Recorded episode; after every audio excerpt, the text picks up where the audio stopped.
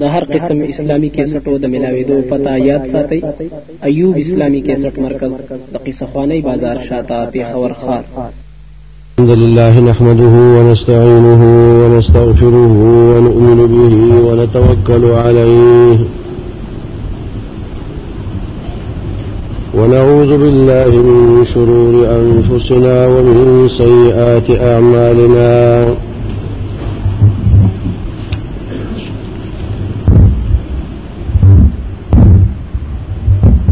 من يهده الله فلا مضل له ومن يضلل فلا هادي له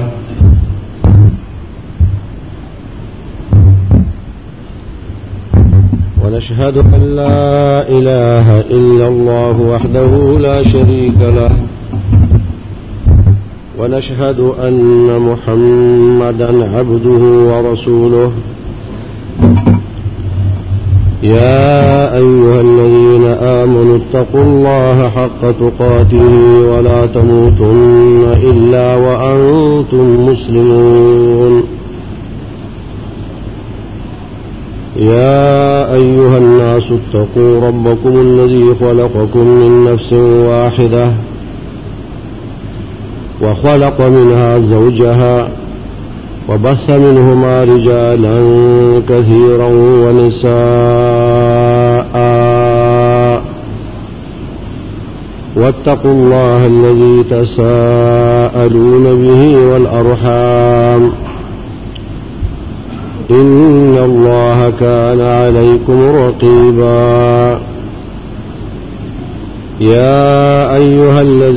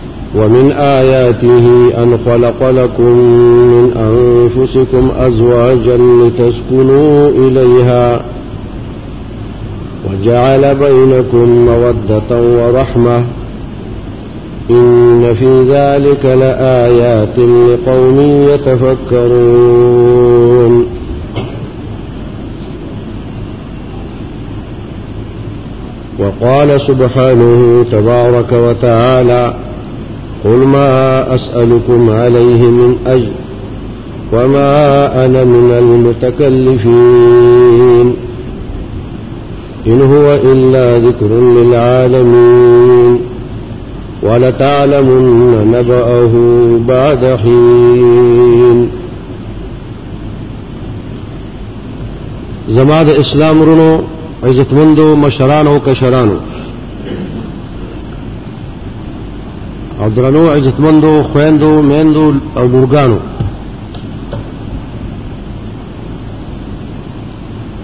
زه د ډیرو ورځو نه د ډیرو جمعو نه بعد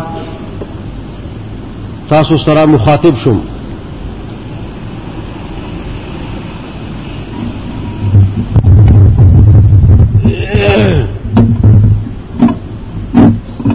د دې انقطاع وجہ صرف ہم دعوی چھ صحت میں ٹک نو مرئی میں خراب ہوا سینہ میں کمزور ہوا او بلغم آواز میں خراب ہو نو در علت پوجہ بانے دا سو خود بھی منقطع شو خو الحمدلله نور اهل علم خاص کر زموږ شیخ شیخ عبدالعزیز څو ښېښې خطبې تاسو ته درکړې دي الله رب العالمین دې دا خبرې زموږ د پټور لپاره سبب د هدایت او تربیت اسلامي وګرځي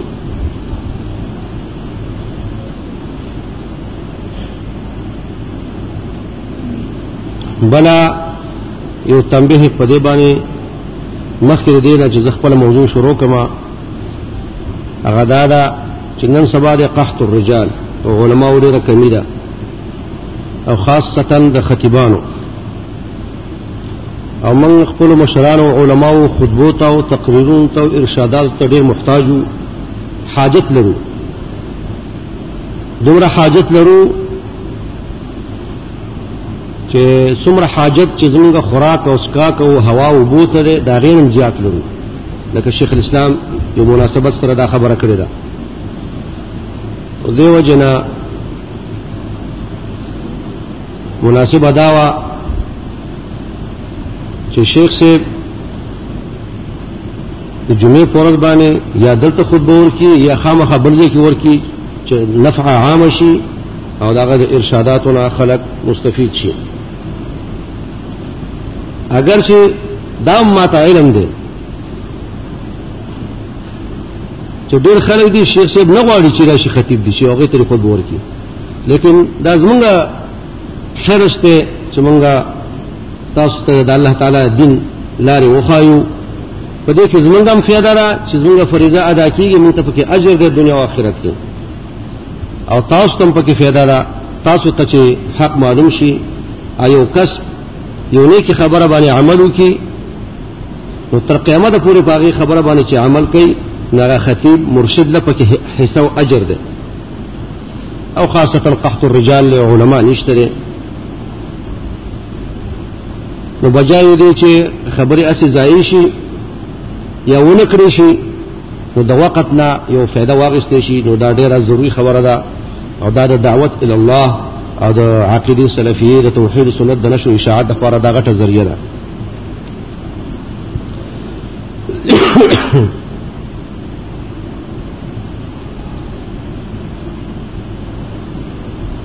پکار خداوا چې نمبر نه شیخ صاحب باندې او هر کس انسان او هر جماعت والا دا کوشش کوله چې نن خطبه موږ سره وشي ډیره بخل لیکن دا دلیل دی خبره چې ضعف دی په ایمان کې او کمواله دی د حرس د دین او کوم چې هغه دیني پټرول دی هغه ضعیف دی او ټینکی خالی شوی دی والله المستعان زما ورونو دغه قبل خطبه یو پنځه یا شپږ خطبه د نکاح په سلسله کې دغه په احکامو کې ما ذکر کړی دی اخري خطبه هغه د سره تعلق لري هغه دې تر رسیدلې و چې نبی عليه الصلاة والسلام مونږ ته د دې خبر ارشاد او رهنمایي فرمایلی دا په دې کې زمونږ د دنیا او د آخرت خیر دی چې تاسو چې رشتہ کوئ نو نسب حسب او رنگونه او جمال ډول پسې نه ځي کاغه وی خو ډیره ښه هغه مطلوب څه دي لیکن اصل د کمال شی چې هغه دین دی علم دین پوها په دین کې او عمل په دین باندې خو کاله کې یو کو جنې دې سلسله کې سر چې څوک نسب په سيزي دا جاهلي کار دی صرف نسب په ستنل دا د جاهلانو کار دی او په دې سلسله کې ما یسو آیاتونه ایسو احادیث لستلو او صرف رنگ او خواهش پسې تلل دا د احمقو خلکو کار دی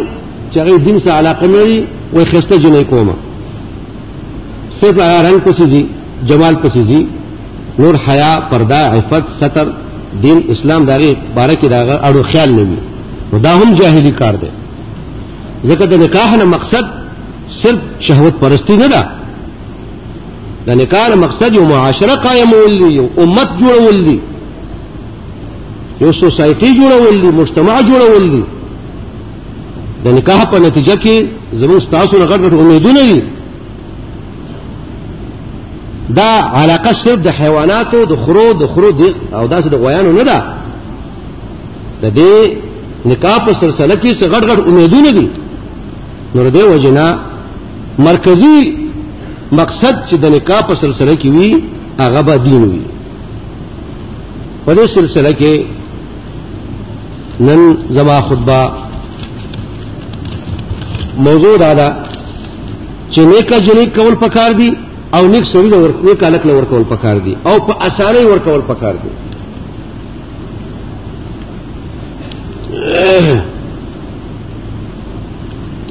چنانچه نبی صلی الله علیه و آله وسلم فرمای ابو هريره رضی الله تعالی عنہ د دې حدیث راوی دی متفق علی حدیث د بخاری او د مسلم تنکح المرأة لاربع خذا په نکاح رشته کیږي د سرور صفاتو د وجنه عام د خلکو په نظر کې لمالها ولحسبها ولجمالها ولدينها یا د مال چې پیسو سره ډېری یا د هغې د نسب د وجنه چې د اوچت نسب لري یا د هغې د ډول سنگار د وجنه ولدینها یا د هغې د دین د وجنه دا صفتونه دي خلق عام طور دې پسې ګرځي فظفر بذات الدین تربت یداک نبی صلی الله علیه وسلم فرمای لاس ته خورشه ای خور شویا تا نیکی خزی پسې لاړ شه ذات الدین پسې هغه باندې کامیاب شه فاظفر بذات الدین دا نور صفاتونه په کیوی او کني که په کیوی خو ډیرخه هغه تا دین نه منې کوي دیندار ګورا خستم خسته دی می وسره خنه سب دی وسره مالدار دی می خیر پرانه کوي لكن کمالدار یو خسته یو نسب والا خو چې دین پکې نه پتن درې والا ا دې او پیسې نه ده او چې دیندار وي خو مزیدار نه ډول نه نسب کمزوري مال نه فقیر نه نو ارث پکې دی بیا بے پروا نشته فاظفر بذات الدين قربت يداك دا سونه د نبوت کلمه ده د نبی علیه الصلاۃ والسلام ارشاد دی امر دی فظفر بذات الدین تربت یدا بل حدیث کې چې دا راوی عبد الله بن عمرو بن عاص رضی الله تعالی عنه دی او امام مسلم په خپل صحیح کې او نور محدثینو د دې روایت کړی دی فرمایي الدنيا كلها متاع وخير متاع الدنيا الزوجة الصالحة دا دنیا ټولي مزيدي او په دې کې چې کوم سامان دي اسباب دي کورونا بلډینګونه دا ټول د فائدې چیزونه دي انسان په دې باندې فائدہ اخلي جون په تیري خوراکونه اسکاکونه کپڑے لباس سورلی مال جاه و جلال نسبونه دا یو د فیدې څیزونه دي انسان ته پکې یو فیده رس اخل دي مالی لحاظ سره بدنی لحاظ سره جانی لحاظ سره لیکن غوره فیده پکې دا ده وخیر متاع الدنیا او غوره د دې دنیا د د ډول سنگار او د ساو سامان په دې ټولو کې غوړه فائدہ الزوجه الصالحه نیکه بیوی ده نیکه خزه دیندارا ایماندارا عالمه حافظ قرآن منګزارا حیادارا پرددارا عفت والا عزت والا حیا والا اکرام والا سخی چې د مکارم الاخلاق نه ډکې او در محاسن نه ډکې د مساوي او د بد اخلاقونه محفوظ دي الزوجه الصالحه دا نبی عليه الصلاه والسلام د خي جنې مبارکي دا ویل دي دا خو الک له پکار دي یا د الک اولیاء ولر پلار لا مور له ورونو له ترونو له چې خپل چاره پر چې واده کوي نیکه جنې وګوري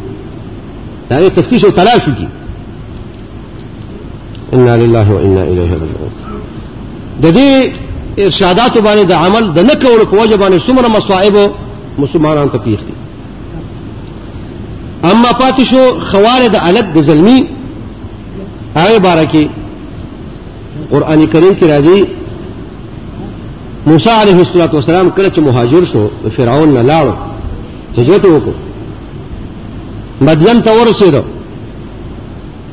چې ګوري شپنکی دي راغون شوي دي په یو کوی باندې اوبو باندې او الته کې خپل چیرو میلو ته وګور کوي چې ګوري دو جنکې دي حیادار پرددار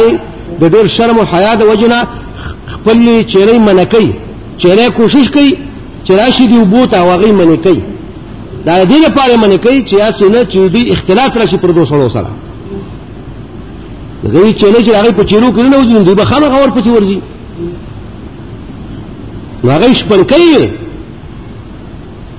لیکن د پاک خاندان نه وي نیکانه وي حیادار وي نو هغه خپل چیرې منې کولې دې لپاره چې دا پر دې خلک لاړ شي او موږ به اگر چې ټول بدیر تیر شي صبر به وکړو رستو به چې کم دې منګه خپل خپل چيله وبکو چې خلکو سره مزاحم نشو سبحان الله ولې بازارونو کې خذ حال چې ګوري والله سبحان الله پلار به چې روان طالب طالب په سنکیږ په سنکیږ او نو تر وته لار پې دي او په بیت الله کې په حجر اسود باندې خو هغه غویمن ساز کړی هغه د بيدونه د بی حیاي چې سمه ده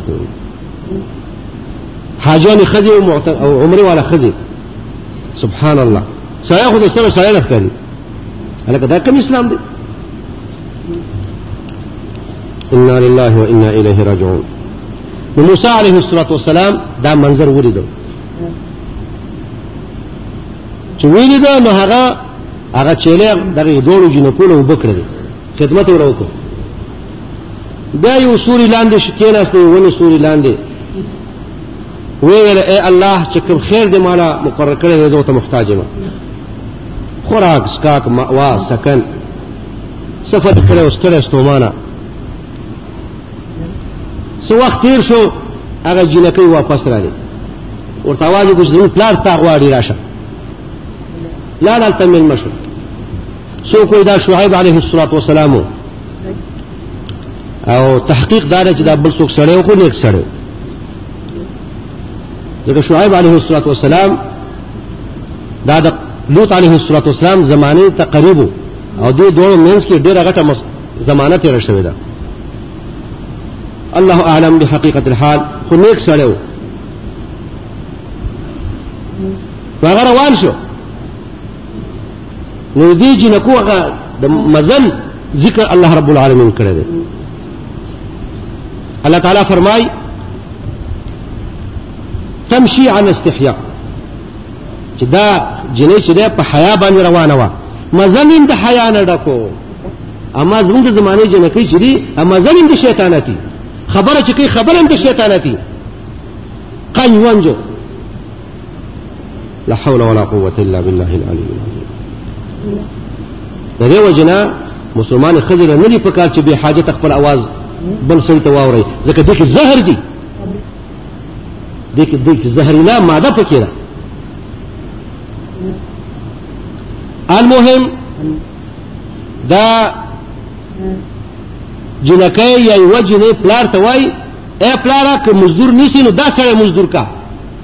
ولی دې کې دوه کمال دي یو ماهر دی او بل ایماندار دی یعنی په کار کې مهارت لري او بل اخلاص پکې دی دا دینداري نه خره ګلکار کډیر ماهر ګلکاری خو چې بېمانه دیوال دل خرابوي او کډیر ایمانداري خو چې لالای ډرایور اناوی موت غاړي که څنګه وګړي قصه ده پر روډو باندې لیکلي دي نو که ډېر ماهر دا ستا دوست او یار او مخلص می خو چې ناپوهي نو دیوال دلته کېږي نو دوه څه پکار دي ایماندار او دیندار ماهر مهارت او دیانت یا ابت استاجر ان خیر من استاجرت القوی الامین دا دو صفته دي دا شنا عالم مدرس هر یو خطیب هر یو کار کې دوه څه په کار دي مهارت او دیانت کډیر وخت مولای او دیانت به کړي اطالب ته سبق نه وای او کډیر دیندار خو چې پټی کې نه خبر اطالب ته وسو وخی نو دا شان هر کار کې مهارت نو دا مشوره چې ولور کړله نو پلار بل شي ته فکر شو بیا نو بیا ولا یو جنې په نکاح ورکړل نو دین را باندې نږي سره دې چې مې کې نه تعارف او نه پکې بلدی و نه څه پیجندو خو دونه پته ولګی چې دا دیندار دی او ایماندار دی او دیانت والا دی قوی دی نبی علیه الصلاۃ والسلام په دې سلسله کې فرمایي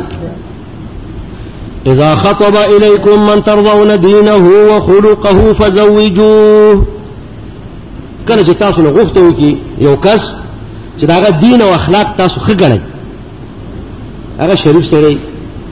دغه اخلاق تاسو ته ښه ښکاري دغه عقیده عمل تاسو ته ښه ښکاري الحدیثی دیندار موحدی شریفی فزوجوه هغه لا خور نور ورکړي هغه مرد کوي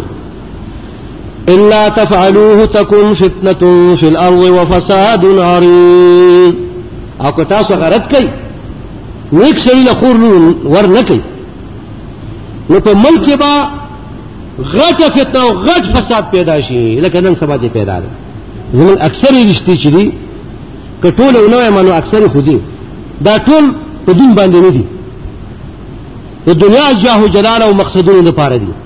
د دې وجه نه هغه کې به فساد او به پکې تمانچې راوښته کیږي به پکې طلاق ګرځول کیږي هنګامې او مصیبتونه او خپګانونه او شر او فساد اکم چې مودت ته دوستی ده الله رب العالمین فرمایي وجعل بینکم موده و رحمه د خځو د خاون منځ کې چې دوستی او رحمت او شفقت او ښه علاقه ده هغه بیني دغه شان د الک او د سخرانو منځ کې چې کوم سری رحمی او شفقت او یارانه دوستانه هغه هم بیانې دغه شر فسادی کړي مقصد د دنیا بیا دغه شان د دې جنې او د سخرانو منځ کې چې کومه محبت او مینه او دوستی په کار وا آرام به نه سبحان الله وفساد عریض خور فساد په ځمکه کې خور شي غیر فساد د دې حدیث راوی ابو هريره رضی الله عنه دی او امام ترمذی د دې روایت کړی دی دغه شانا ارشاد دی د ډېرو احادیثو نه معلومیږي چې نکاح اسانه پکار ده په دې کې جنجالونه تکلفات نه دي پکار چې سوي حاضر د خپل وس مطابق الله تعالی تاسو له صدر کړی جنیخ کورلا د عادت کورلا څومره چې وس کیږي دنیا جاه ول جلال هغه دي خرج کی پروا نه کوي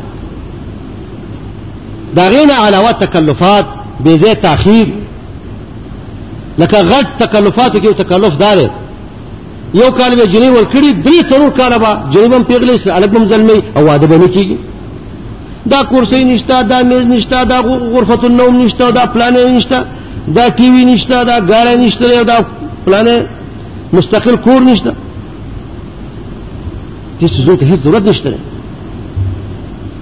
کوي خو ډیر ښه کنه د دې وجه نکاح ورسته کول دا غټ عیب دی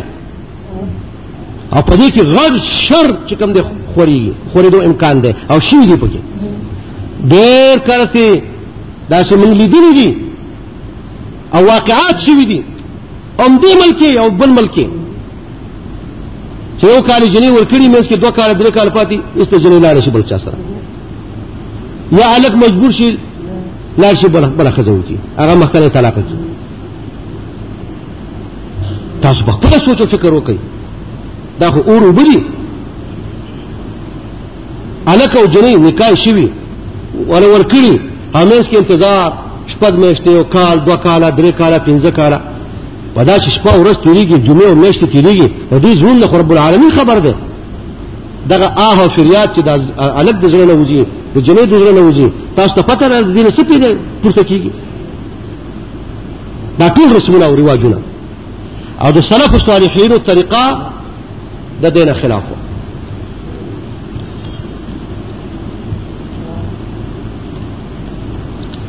په دې باره کې ما یو څو واقعات لیکلي دي او آثار د صحابه کرامو او د تابعینو او چون کې دا وخت په ختمېدو دی نو یو واقعه به زه تاسو ته ووایم په هغې به اکتفا وکړم چې هغه قصه ده د سعید بن مسیب رحمت الله علیه دا یو جلیل قدر تابعی دی سید التابعین او په فقهای سبعه د مدینو کې شمار دی لوی امام دی غر دی د غرونو د اسلام نه په علم کې په تقوا په طهارت کې سعید بن مسیب رحمت الله علیه سبحان الله دا د مدینه د علم امام د مسلمانانو او خاصتا په علم الحديث کې د امامو سعید المسیب د د لوروا او عبد الملک ابن مروان دا بادشاہ خلیفہ په دغه زمانه کې شام کې دار الخلافه وا او دغه وخت کې اسلامي حکومت مشرق او مغرب ته رسیدلی دا چې د بنظیر وغیره حکومت نه حکومت نو عبد الملک ابن مروان د سعید المسیب نه غوښته وکړه د دغه لوري د خپل زوی ولید د پاره ولید هم به خلیفہ بادشاہ چې دا لور دې مال راکړه ابا علیه انکار کوي دا قصه امام ابو بکر ابن ابي داود صاحب د سنن دا واقع نقل کړی دا امام ابو بکر ابن ابي داود او ډیرو مورخینو لکه ذهبي په سیر اعلام النبلاء کې او دغه شانا ابو نعیم الاصفهاني په حلیه الاولیاء کې او نورو مورخینو ذکر کړی دا او په صيغه د جزم سره او معروفه قصه ده نوای فلم یزل یحتال علیه هغه انکار وکړ چې نه در کوم دی لورو الله کله ته کوم سپین وړه یو د اسر آباد ته کوم دی صدر لغاری کا کار لغاری دې کله غاری دې څه بلاره دا راشي ایو مولانا صاحب ته وایو خان صاحب ته وایو لور دې کا څور به خوشاله وای لغاری صاحب راغله ته جامو کې ونه دیږي ډېر خوشاله نو پلک چوي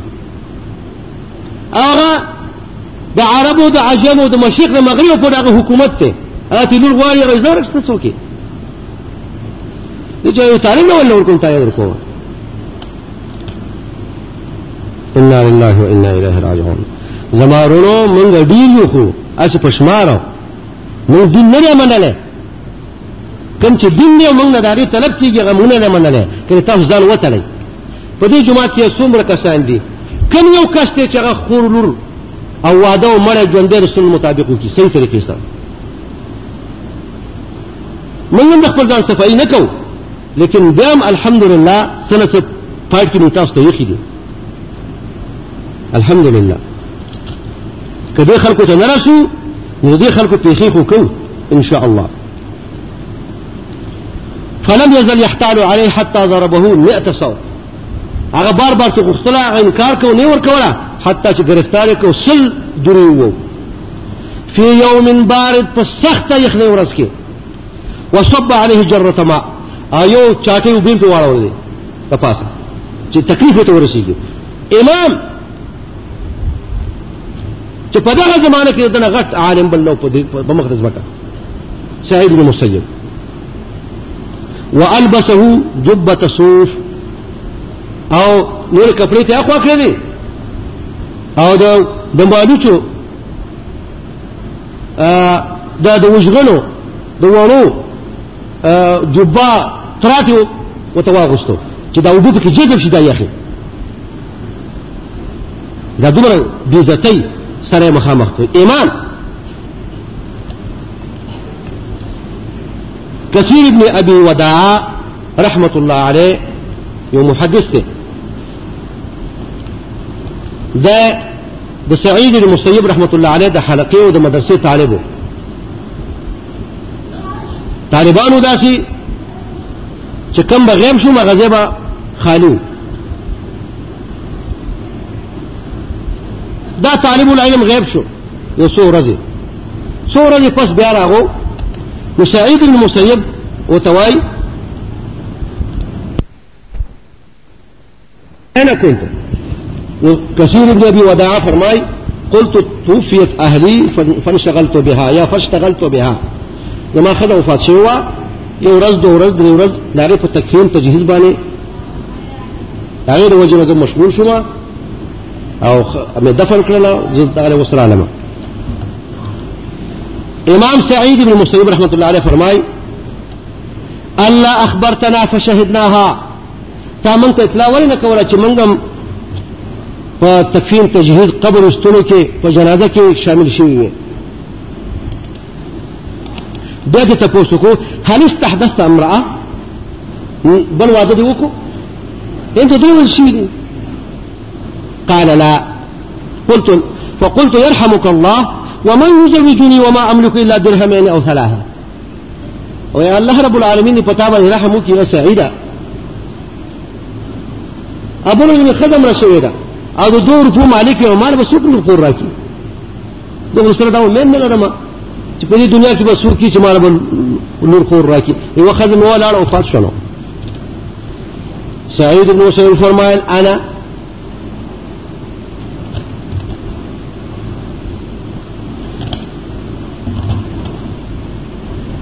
چې بزو به درکم کړ هغه دا خیال تعویز ته استاد پر مسخره کوي تو قره پوره کوي فقلت وتفعل هذا تذكر كيف قال نعم لو كونه فورا فرلته وغزونا او خود به نکاح شروع کړل هم هغه میټ کې فورا ثم تحمد وصلى وصلى على النبي صلى الله عليه وسلم فورا الله حمد الصلاه ويو ونبي عليه الصلاه والسلام درود ويو اغا خطبه نکاح خطبه الحاجه ويو دا من چې د خطبه په ابتدا کې دا کوم خطبه ویله دته خطبه الحاجه دا نکاح او نور کارونه کې خطبه کې پکار ده وزوجني على درهمين او لور یاله په نکاح راکړه په 2 روپۍ باندې دا هیڅ ځای نو صرف سره پیسې کموي بادشاہانو کې غوښته یو طالب علم نه ورکړه به دره به پدره لا هو محدث عالم د تپتوا چې متقی دی تقوادار دی فقلت نو چې کله نکاح راځو نکاح له وته پاتې دم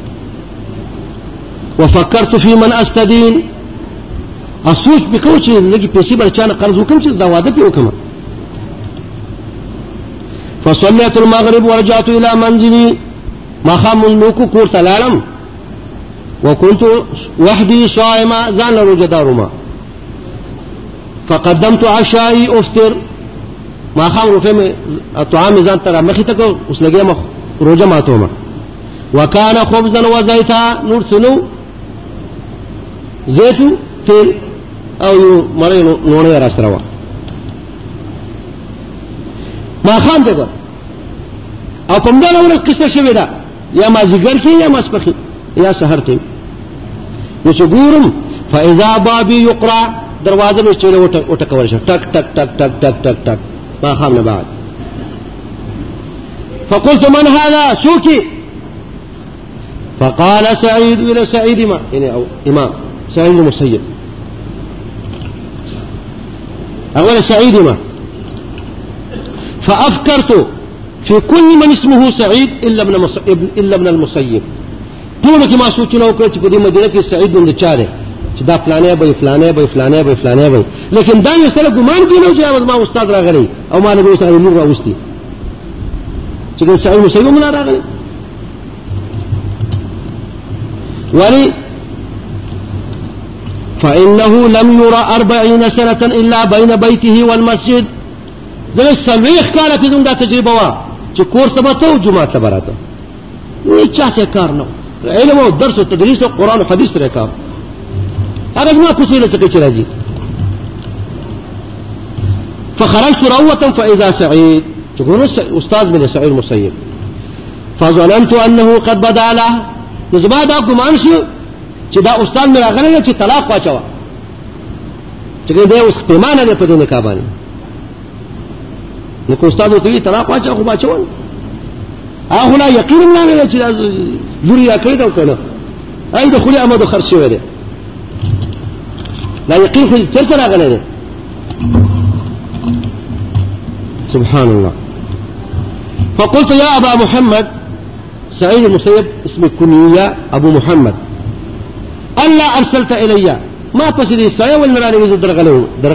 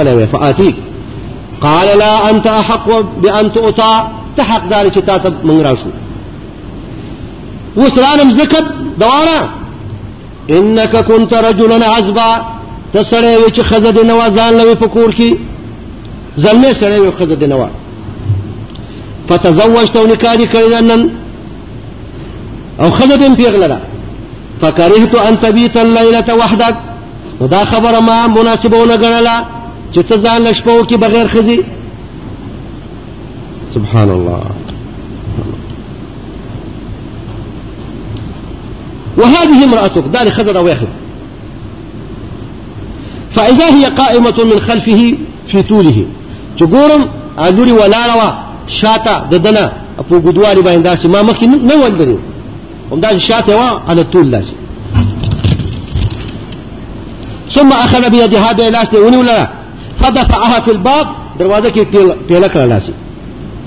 ورد الباب او دروازه را بند کړه او لاړ نه بکی چونو نه بکی مټایانه هیڅ نه بکی نه بکی جنجونو نه بکی هنګامې نه بکی داو چې یو کس چاله پوګه کړي یو کس پیاله پوګه کړي یو کس کرسي پوګه کړي یو کس کوم دې صندوق پوګه کړي ای وړ ډیر سامان غشته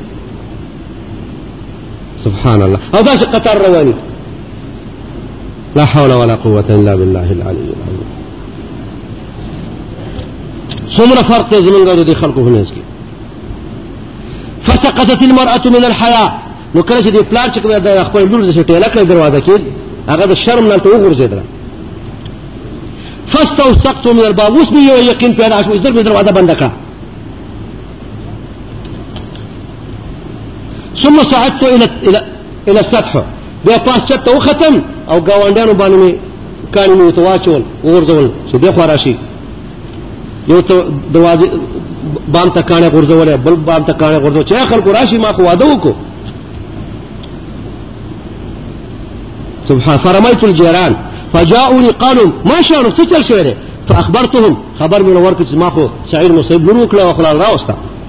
واده مې وکړ ونظروا الیها خزه دا چمګاون ازما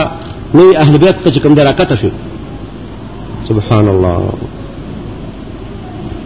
ثم دخلت بها داغه بعد چې به زما دغه ملاقات شو فاذا هي من اجمل الناس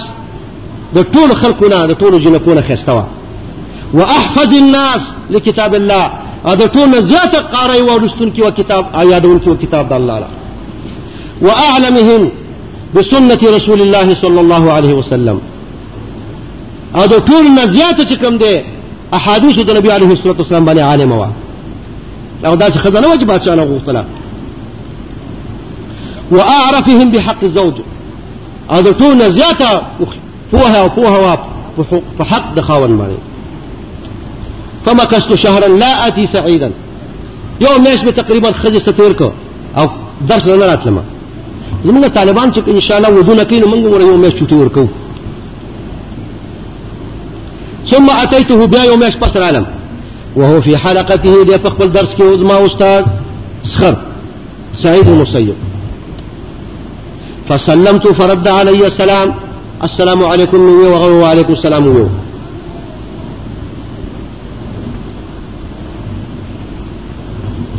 وفلم يكلم يكلمني حتى تقود المجلس خلق خوارش لارل هغه بعد راس خبر شروع کړي فلما لم يبق غيري قال ما حال ذلك الانسان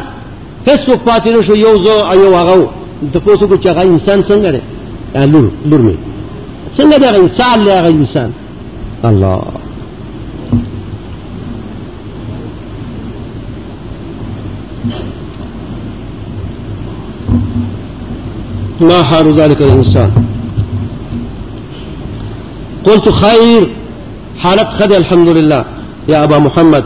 على ما يحب الصديق ويكره العدو من په داسې حالت کې چې دوست خوشاله دی دشمن خپه دی به فرمایل ان رابک شیء فالعصا ته څه شی باندې شک پیدا شي یا څه شی ته مناسب کار نه شي او څه غلطي وکي نو ګوره امسا لخته لخته نه کار اخلا ان ادب ورکوا سبحان الله باید داسې نه اهله خلک د ښځو د خاوند شر پیدا شي نو سخران ټول راغلي پته جوړ کړي ایسته ته جنې روانه کړي هلکه دې نقص دې کې صلح راولي په لور ته نصیحت وکړي چې خاوند اطاعت کوي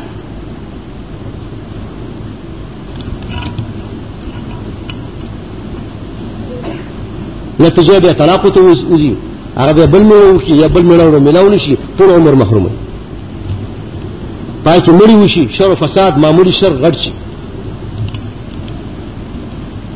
سبحان الله فانصرفت الى منزلي فوجه الي بعشرين الف درهم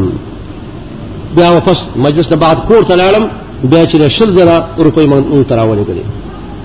دا هغه تعاون دا ځنه چې هغه طالب مسكين طالب ته چې زلا شه مزدوري کوا کراچي ته ځلته مزدوري کوا پنځه کال شپه کال غنه بعد با 500 روپے براوړو عرب بدل واده در کوم انا لله و انا دا واقعا امام ابو نعيم په حلیه الاولیاء دون جل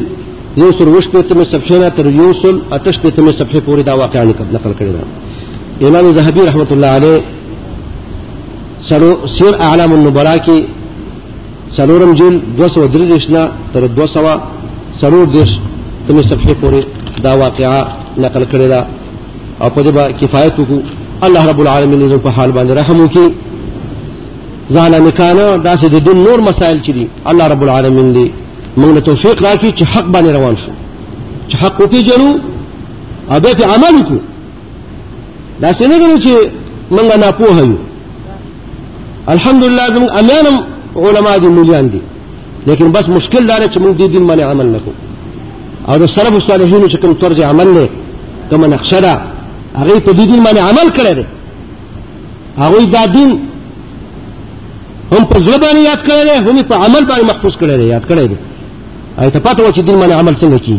دا زموږ لپاره مشعل راه دي او دا د دې په سیرت کې موږ لپاره اسوه حسنه ده د دې سره په صالحینو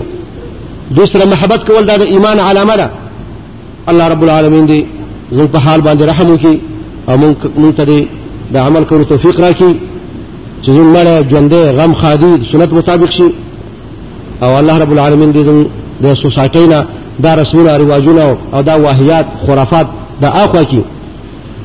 ځکه چې په دې کې زیات مبتلا زموږ د اهل الحدیث دي چې غټ غټ دعوې چې کوي په دې باندې څوک نه حدیث کیږي صرف چې لاس پورته کیو امین په زور وایي ټیک دا غم دین دی خدا نور دین دی سلف صالحین په طریقه باندې روانه دلته دې ته وایي مذهب د اهل الحدیث اچو سره کتاب او سنت او سرب صالحین په طریقه باندې روان شي عملا او عقیدتا قولا فعلا نو دغه ته وایي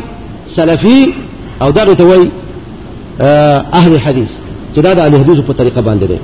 وصلى الله وسلم على خير خلقه محمد وعلى آله وصحبه أجمعين